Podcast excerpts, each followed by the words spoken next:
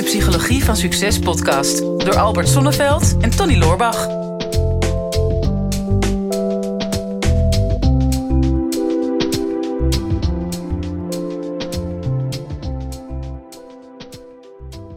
Tony, nou denken we dat we gewoon een hele rustige tijd tegemoet gaan. Maar er blijkt toch nog heel veel onrust in de wereld te zijn. Ja. Eh, goh, zullen we er nog even een paar noemen zo? De onrust in de Oekraïne natuurlijk. eh, inflatie, economische crisis, nou, olie, prijzen stijgen. Nieuwe lockdowns die er weer aankomen. Oh het ja, is wel echt alles, alles tegelijkertijd. Heb je al met Rutte gebeld? Of? Eh, nee, nee, nog niet. Nee, maar hij zal vast wel terugbellen een keer. Ja. Tenminste, ik begreep dat hij een nieuwe telefoon kreeg binnenkort. Daar zal het wel, eh, daar zal het wel aan liggen. Maar het, op een of andere manier, ik weet het niet. Ehm, ik had toch wel het idee van, nou ja, als, als maar eenmaal de lockdowns achter de rug zijn en corona is een beetje uitgedampt, dan zal er wel heel veel rust eh, komen in de wereld. Ja. Maar ik heb een beetje het gevoel dat er nog veel mensen angstig zijn. Herken je dat?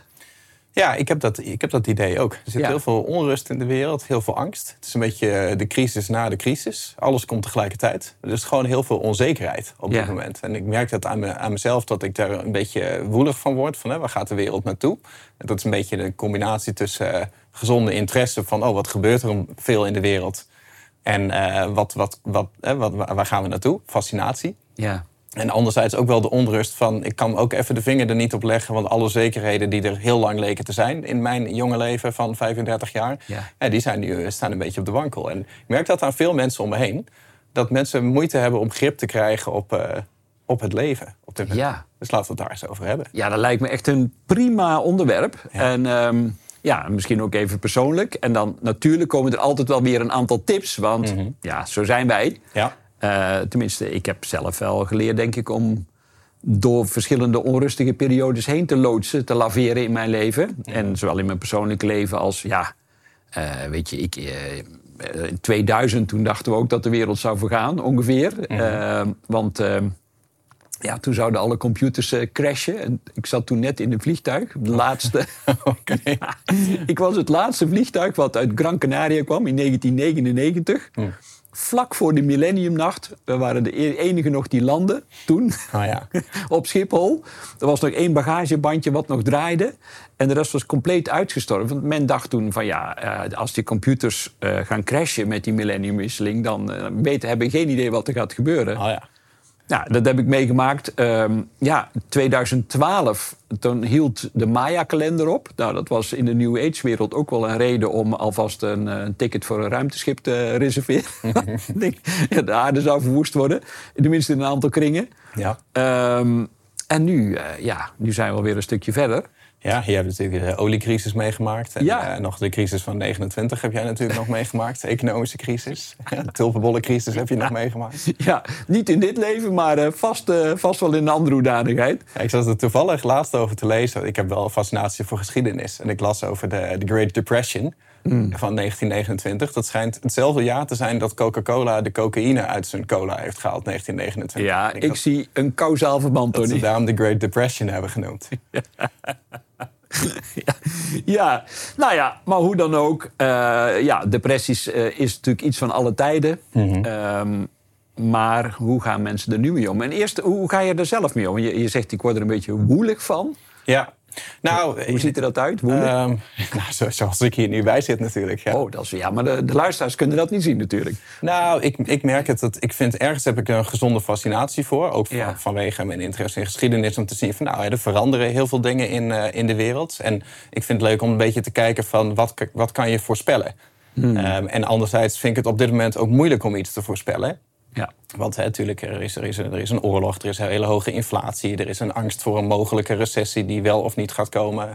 Op de beurzen zijn er natuurlijk angsten voor correcties hè, of, of crashes en, en dat soort dingen. En ehm, je kun je proberen te voorspellen door naar het verleden te kijken...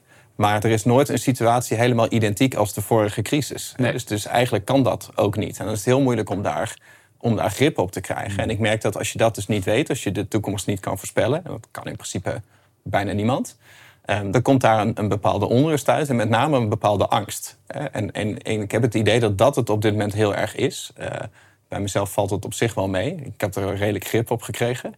Ehm, maar ik merk het wel aan mensen om me heen dat er gewoon heel veel angst is. Ja. En, en dat komt gewoon door, doordat er een stuk controleverlies is. Hè. Heel veel zekerheden die mensen hadden, al was het alleen maar financieel. Van hè, waar ga je met je geld naartoe? Er was vroeger altijd wel een plek. Hè. Ofwel je kreeg eh, rente op de bank. Of uh, je stopt het in vastgoed, of je stopt het uh, in aandelen, of uh, je stopt het in, in, in, in, een in een casino. Precies, ja, of, of in, een, in een oude sok, zeg maar. Ja. Alleen, er zijn nu, dat, dat is bijvoorbeeld een van de dingen waarom mensen zo onrustig zijn, is omdat ze bijvoorbeeld niet weten van waar kan ik er nu mee naartoe. Ik kan het niet op de bank laten staan, want er is inflatie en er is negatieve rente. Ik durf niet in de beurs te stoppen, want er komt een recessie en waarschijnlijk word ik dan afgeslacht. Ik kan geen huizen kopen, want de huizenmarkt is zwaar overbelast en dan betaal ik waarschijnlijk veel te veel. Ik kan er wel edelmetaal van kopen, maar uh, ja, er zijn ook ineens allemaal cryptomunten. Hè. Misschien verdwijnt ons geld wel helemaal, dus misschien moet ik het omruilen voor iets anders. En omdat er zoveel onzekerheden zijn, is er gewoon heel veel angst. En ja, dat, dat doet mensen een beetje bevriezen. Ja. ja. Ja, ik denk een goede conclusie. Ja, als ik naar mezelf kijk, um, ja, ik heb vooral fascinatie ook. Ik, en ik word op een bepaalde manier ook wel heel blij of zo. Dat is heel gek, maar um, ja, als ik naar het grote geheel kijk, naar de aarde, dan ja, we hebben de aarde ook wel heel veel geweld aan gedaan. Eigenlijk sinds het industriële tijdperk, de, de bevolking is enorm gegroeid. En uh, ja, we zijn maar blijven consumeren. Mm -hmm. En uh, het was allemaal meer, meer, meer, meer. En volgens mij komen we wel ergens op een punt dat er steeds meer mensen tot bewustzijn komen van laten we daar nou eens een keer mee gaan stoppen. Mm -hmm. Want we hebben maar één aarde. En uh, laten we er eens wat zuiniger op zijn. Ja, en blijkbaar is die reset ook nodig, uh, hè, die zekerheid. Want de enige zekerheid die we nu hebben is dat de lucht die we inademen, dat daar nog zuurstof in zit. Ja. en uh, de enige, hè, dat we de aarde nog redelijk op temperatuur kunnen houden. Maar we weten dat dat ook steeds verder omhoog gaat. Dus ja, willen we de planeet nog leefbaar houden voor onze kinderen en kleinkinderen en de volgende generaties, ja, dan moet er ook wel iets gebeuren. Mm -hmm. Dus ik ben ook wel blij dat er iets gebeurt. Want ondanks alle eindeloze vergaderingen van de VN en weet ik het allemaal, al die grote instanties die allemaal heel veel prachtige beloftes deden over klimaatverandering, noem maar op. Ja, die hebben daar, tot nu toe hebben ze daar heel weinig succes mee gehad. Mhm. Mm -hmm. Ja, ik heb ooit een keer van mijn ouders geleerd, wie niet horen wil, die moet maar voelen. Ja. En nou gun ik niemand pijn en ellende. Maar blijkbaar, en dat weten we ook van gedragsverandering, soms zijn mensen pas echt bereid om te veranderen als er ook pijn is. Ja. En dat is niet leuk en dat is heel vervelend. En we denken altijd dat een ander het overkomt en niet onszelf. Maar ja, we zitten erin en we zitten met z'n allen op dezelfde planeet. Dus ja, laten we er dan ook uh, zeg maar anders mee omgaan. Ja. Dus zo zit ik er zelf in. En hoe ik er zelf altijd naar kijk, ja, we kunnen natuurlijk heel globaal kijken. Of je kunt naar je buurt kijken, je regio, je land of wat dan ook. Uiteindelijk, uh, waar je ook zit in je situatie, uh, ja, als je die situatie niet kunt veranderen, en of het nou gaat over een, een uh, geldsituatie, over gezondheid, of misschien over relatie of wat dan ook, als je die niet kunt veranderen, ja, dan het enige wat je kunt doen is je eigen houding ten opzichte van de situatie. Daar heb je invloed op. Hè? Wat ik altijd zeg, je kunt de wind niet veranderen, maar de stand van de zeilen wel. Ja. En daar word ik ook altijd blij van, want je mindset heeft wel duidelijk uh, invloed op de manier waarop jij uh, ja, met de dingen in de wereld om kunt gaan. Ja. ja, het is apart. Wij hebben ook wel eens een, een aflevering opgenomen hè, over uh, een, een, crisis. Hè, dat, een, dat een crisis misschien eigenlijk niet het probleem is.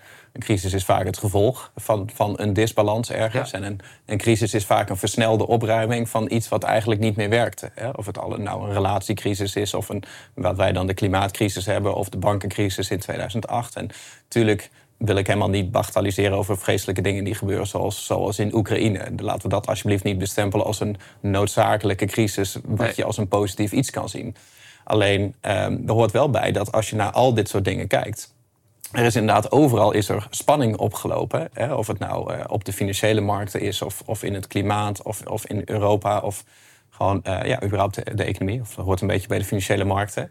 Um, dat op het moment dat er nog geen crisis is, maar je voelt eigenlijk de spanning richting een crisis, is ook vaak niet de leukste periode. Nee. Ik las laatst een, een, een interessant onderzoek van een hoogleraar, die had het dan over de mate van nervositeit binnen inwoners van Europa voor de Tweede Wereldoorlog. Uh, dat eigenlijk de nervositeit onder mensen en de stress die mensen ervaren voor de oorlog veel en veel hoger was Ja. dan op het moment dat de oorlog uitgebroken was. Omdat uh, de crisis die dan volgt, hoe, hoe, vreselijk het ook is, eigenlijk jou gewoon een stukje zekerheid geeft van je hebt heel lang stress en onrust gehad, Hmm. angst voor de toekomst. Want angst gaat nooit over het hier en nu. Als je bang bent, is dat altijd voor iets wat nog gaat gebeuren. En constant in die angst leven, daar zit een bepaalde stress op die zich ophoopt in je lichaam. En als de crisis dan daadwerkelijk uitbreidt, mhm. dan is het daadwerkelijk zekerheid van: oké, nou weten we ook wat er gaat ja, gebeuren. Dan weet ik waar ik aan toe ben. Klopt. Dus, en dan kun je ook zien van: klopten die angsten ook daadwerkelijk? Is het net zo erg als dat ik had verwacht? Of blijkt het wel mee te vallen? En als je een paar keer een crisis hebt gehad in je leven, dan, dan, dan groei je daarvan als persoon. Want dan weet je uiteindelijk van: nou, mijn meest angstige gedachten komen meestal niet, uh, niet uit. Ehm, en het verhoogt natuurlijk je veerkracht. dat is net als je, je stresssysteem. Als jij nooit tegenslag in je leven hebt gehad, dan kan je van de kleinste tegenslagen kan je de weken van afleggen. Maar als je dat kan trainen door, door uh, veel stress meegemaakt te hebben, dan verhoogt dat je veerkracht op het moment dat je een keer weer iets overkomt. Ja, nou, dan snap ik ook waarom dat ik regelmatig stress creëer in mijn leven. Ja, om je veerkracht te verhogen. Om mijn veerkracht te verhogen. Ja. Nou ja, dat is natuurlijk wel zo. Hè? Want er zijn zoveel dingen in je leven waar je op dit moment geen controle over hebt. Hè? We hebben geen invloed op het economische systeem of de oorlogen die er op dit moment aan de hand zijn. Maar waar je wel controle op hebt, laat je daar dan, ga daar dan op focussen. Hm. En uh, waar ik vooral uh, invloed op heb, is mijn leefstijl. Dus vanmorgen eh, werd ik wakker, een beetje vroeg. Vroeger dan dat ik gewild had. Niet zo heel best geslapen. Beetje zenuwachtig natuurlijk voor al die podcasts. Snap ik. Snap je? Dat is, altijd... ook een groot onderwerp. Ja, het is ook een mega groot onderwerp. Grote verantwoordelijkheid. Heel veel luisteraars en kijkers. Mm nee, ik werd uh, wakker. Ik denk, ja, wat, wat kan ik nu doen? Ik kan me natuurlijk heel erg focussen op... Uh, nou ja, weet, dadelijk zit ik niet fit voor de camera. Huh? Denk, ja, waar ik invloed op heb nu is mijn leefstijl. En waar ik invloed op heb is bijvoorbeeld dat ik nu yoga ga doen. Dus ik ben vanmorgen in alle vroegte, het was heerlijk weer, lekker op mijn terras, snuffie in de zon, mhm. ben ik yoga gaan doen. Nou, dat was heerlijk. En toen dacht ik, oh, ik doe er ook nog een meditatie achteraan. Dus al met al ben ik bijna een uur bezig geweest. Ehm, en toen merkte ik, ja, ja, dat slecht slapen van de afgelopen nacht is ook maar weer een verhaal wat ik mezelf vertelde. Het aantal uren wat ik nodig heb om zogenaamd weer uitgerust wakker te worden. Mhm. Ja, ik voel me gewoon helder en fit op dit moment. Dus daar heb ik dan wel invloed op. Dus iedereen kan natuurlijk kijken, en dat is een andere tip, naar het journaal en naar alle social media, noem maar op wat voor ellende dat er is. Maar ja, als je, één, als je jezelf één groot plezier wil doen in deze tijden, is radicaal stoppen met al die negatieve uh, verhalen die via de media naar je toe komen. Je wordt er natuurlijk helemaal horrendol en knettergek van. Je, het, het voedt je op geen enkele manier. Nee, nou, behalve op een negatieve manier, omdat dat angsten natuurlijk heel echt voelen. Hè? Dus een mooie, mooie uitspraak: uh, de mens leidt het meest van het lijden dat hij vreest. Ja. Ik las laatst van uh, Erik Geurts dat hij het meer had over de mens leidt het meest van de gedachten aan lijden. Het zijn met name je eigen gedachten die je creëert, die het lijden geven. Alleen die voelen heel echt. En dat deed mij een beetje denken aan, er is zo'n verhaal van uh, Charles Darwin volgens mij. Mhm. Die op een gegeven moment uh, onderzoek, de, onderzoek, deed naar zijn eigen angsten. En uh, die ging een dag naar, naar de dierentuin om oog in oog te gaan staan met een gevaarlijke slang die wel in een, in een kooi zat. Dus die slang die kon niet bij hem. Maar hij dacht, als ik nou voor die kooi ga staan... of dat zal wel met glas geweest zijn, want de slang is dun... Um, en, ik, en ik daag die slang uit totdat hij mij aanvalt. Dan wil ik kijken hoe ik reageer. Want ik hmm. weet dus bewust dat die slang niet bij mij kan komen. Maar elke keer als die slang hem dan aanviel en echt wel naar hem toesprong... Ja. ja dan, dan schrok hij wel. En hij realiseerde zich, ja, mijn angst is net zo reëel nu als wanneer die slang daadwerkelijk bij mij had gekund. Heel mhm. kortstondig en je relativeert het wel snel weer, maar die angst die is, die is heel echt. Ja, nou ja, dat is in de psychologie noemen ze dat de exposure techniek. Hè? Dus dan uh, als je bang bent voor slang of voor spinnen of het maakt niet uit wat. En dan ga je ook geleidelijk aan, word je daarmee in contact gebracht. Mhm. Ja, ik zou in jouw geval zeggen, begin in ieder geval met een tuinslang. En dan, dan heb je in ieder geval al iets om mee te oefenen.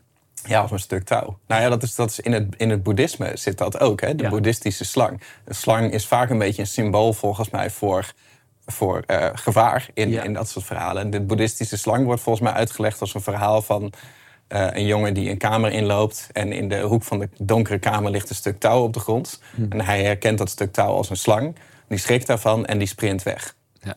En in dat hele korte verhaal, dus een relatief kort verhaal, ja. uh, maakt de hoofdpersoon eigenlijk drie denkfouten. dus ten eerste, uh, hij ziet een, uh, een, stuk touw liggen. En hij herkent dat niet als een stuk touw. En dat staat eigenlijk een beetje symbool voor dat we eigenlijk onszelf niet heel goed kennen. En dat we dat wat we observeren, dat we niet alles op waarde kunnen schatten. Hmm. Je weet niet wat je niet weet. En jouw beeld van de wereld is maar een perceptie ervan. Dat is eigenlijk fout één. Dus, er is maar, dus jouw waarheid is niet de waarheid, het is maar een mening.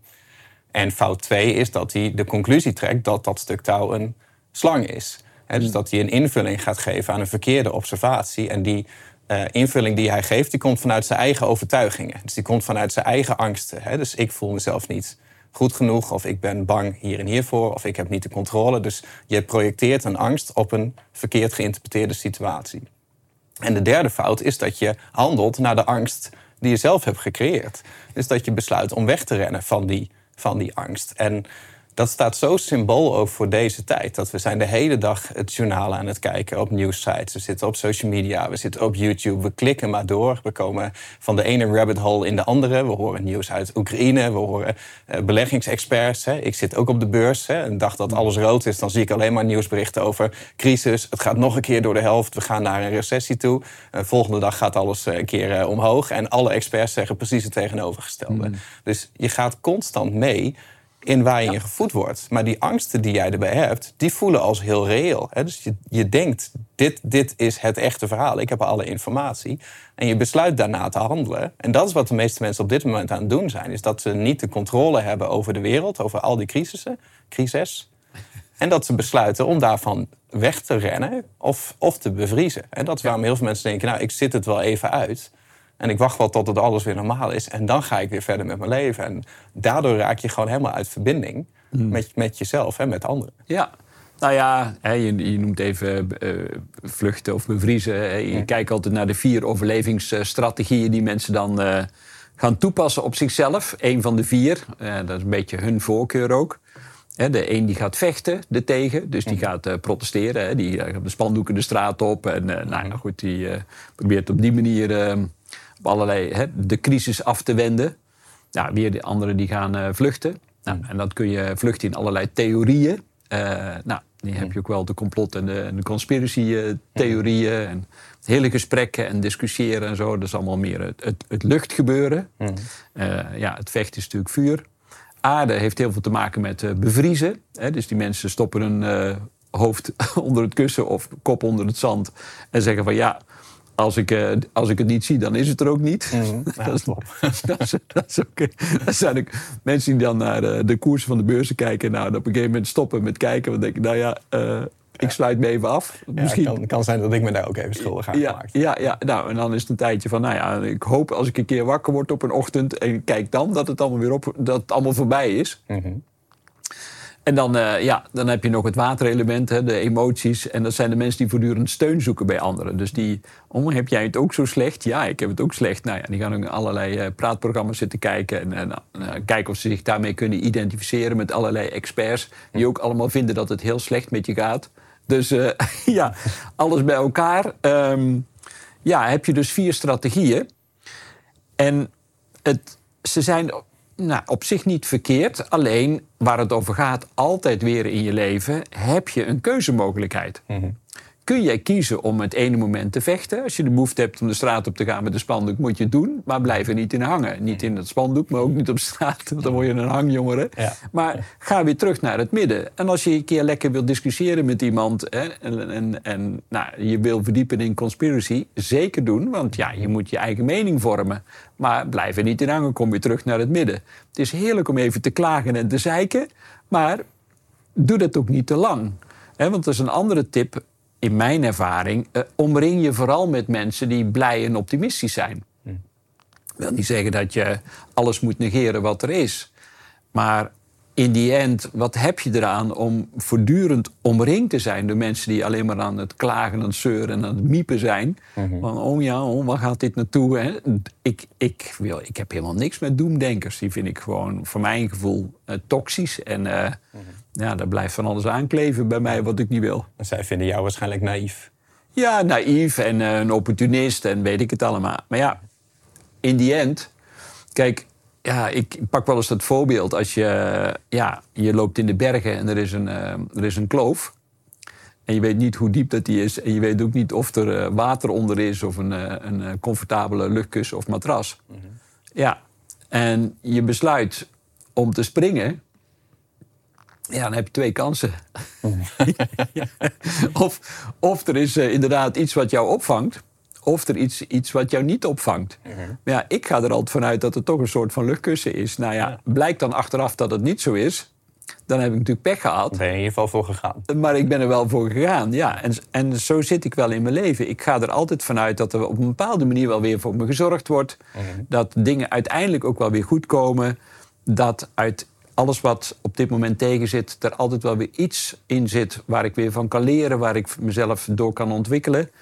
En als ik terugkijk in mijn leven en de crisis die ik heb gehad, ja, ik ben er uiteindelijk als mens beter door geworden. En, rijker en completer. En ja, op alle gebieden eh, voel ik me verrijkt. Dus dat is gewoon jouw veerkracht om weer terug te stuiteren uit die kloof. Daarom heb je ook van die hippe Nike Airs gekocht. Ja, ja, ja ik... het punt om te springen. Ik Zo erg is het allemaal ook weer niet. je hebt dus even een... Ja, jij hebt het over een touw. Dat vind ik ook wel een behoorlijke depressieve gedachte, eerlijk ja, gezegd. Nou, ik ren er dan nog van weg in mijn verhaal.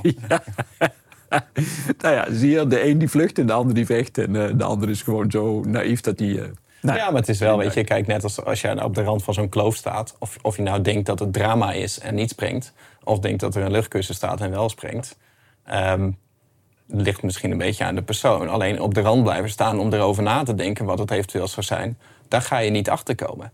En, en dat is ook wel voor deze tijd. Weet je, ik zit natuurlijk heel erg in, in de beurs en dat soort dingen, maar het gaat over alle fronten in je leven. Van, je kan wel de hele tijd erna blijven staan kijken.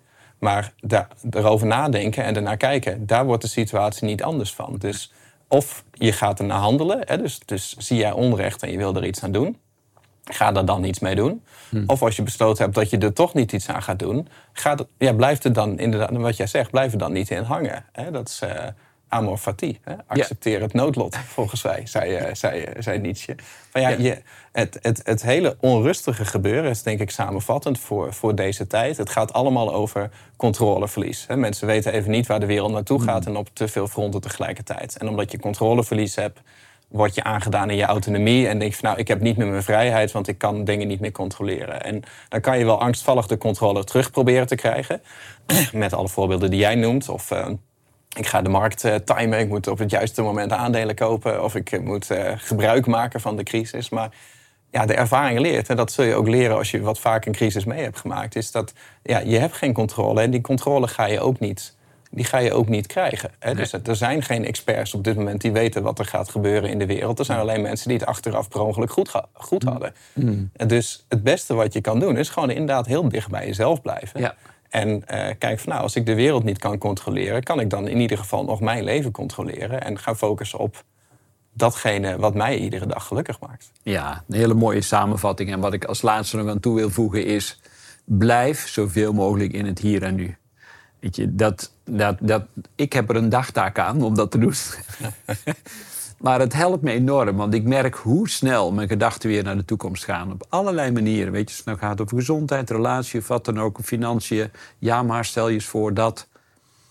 Ja, er is alleen maar nu. En als ik nu kijk, nu is het goed. Weet je, ik zit met hier jou aan tafel. We hebben een leuk gesprek. Ja, we zitten hoog en droog. Uh, ja, alles. Ik, ja, ik ben fysiek gezond. Ja, nu is het gewoon goed. Dus ik heb niet meer nodig dan wat ik nu heb. Uh, en straks is het ook weer nu. Dus, en dan heb ik weer precies hetzelfde. Vooral kijken wat er nu is. Daarnaar handelen, vooral ook. Vanuit blijheid en plezier en gemak. Doe wel iets. En ook niks doen is in ieder geval ook iets doen. Maar als jij richting wil geven aan je leven, kom dan in beweging. En een van de dingen die je zou kunnen doen, als je daar dan zin in hebt, en je kijkt toevallig naar YouTube of je zit nog steeds heel ouderwets naar de podcast te luisteren en je hebt ons nog niet gezien live, ga dan naar de YouTube, ons YouTube-kanaal. En uh, dan kun je een comment achterlaten. Dat vinden we altijd heel gezellig. Dan komt er wat interactie op gang. En uh, ja, dan zijn we blij met jouw reactie. En zo hebben we iets wat we samen kunnen gebruiken om door deze hele ernstige crisis heen te gaan.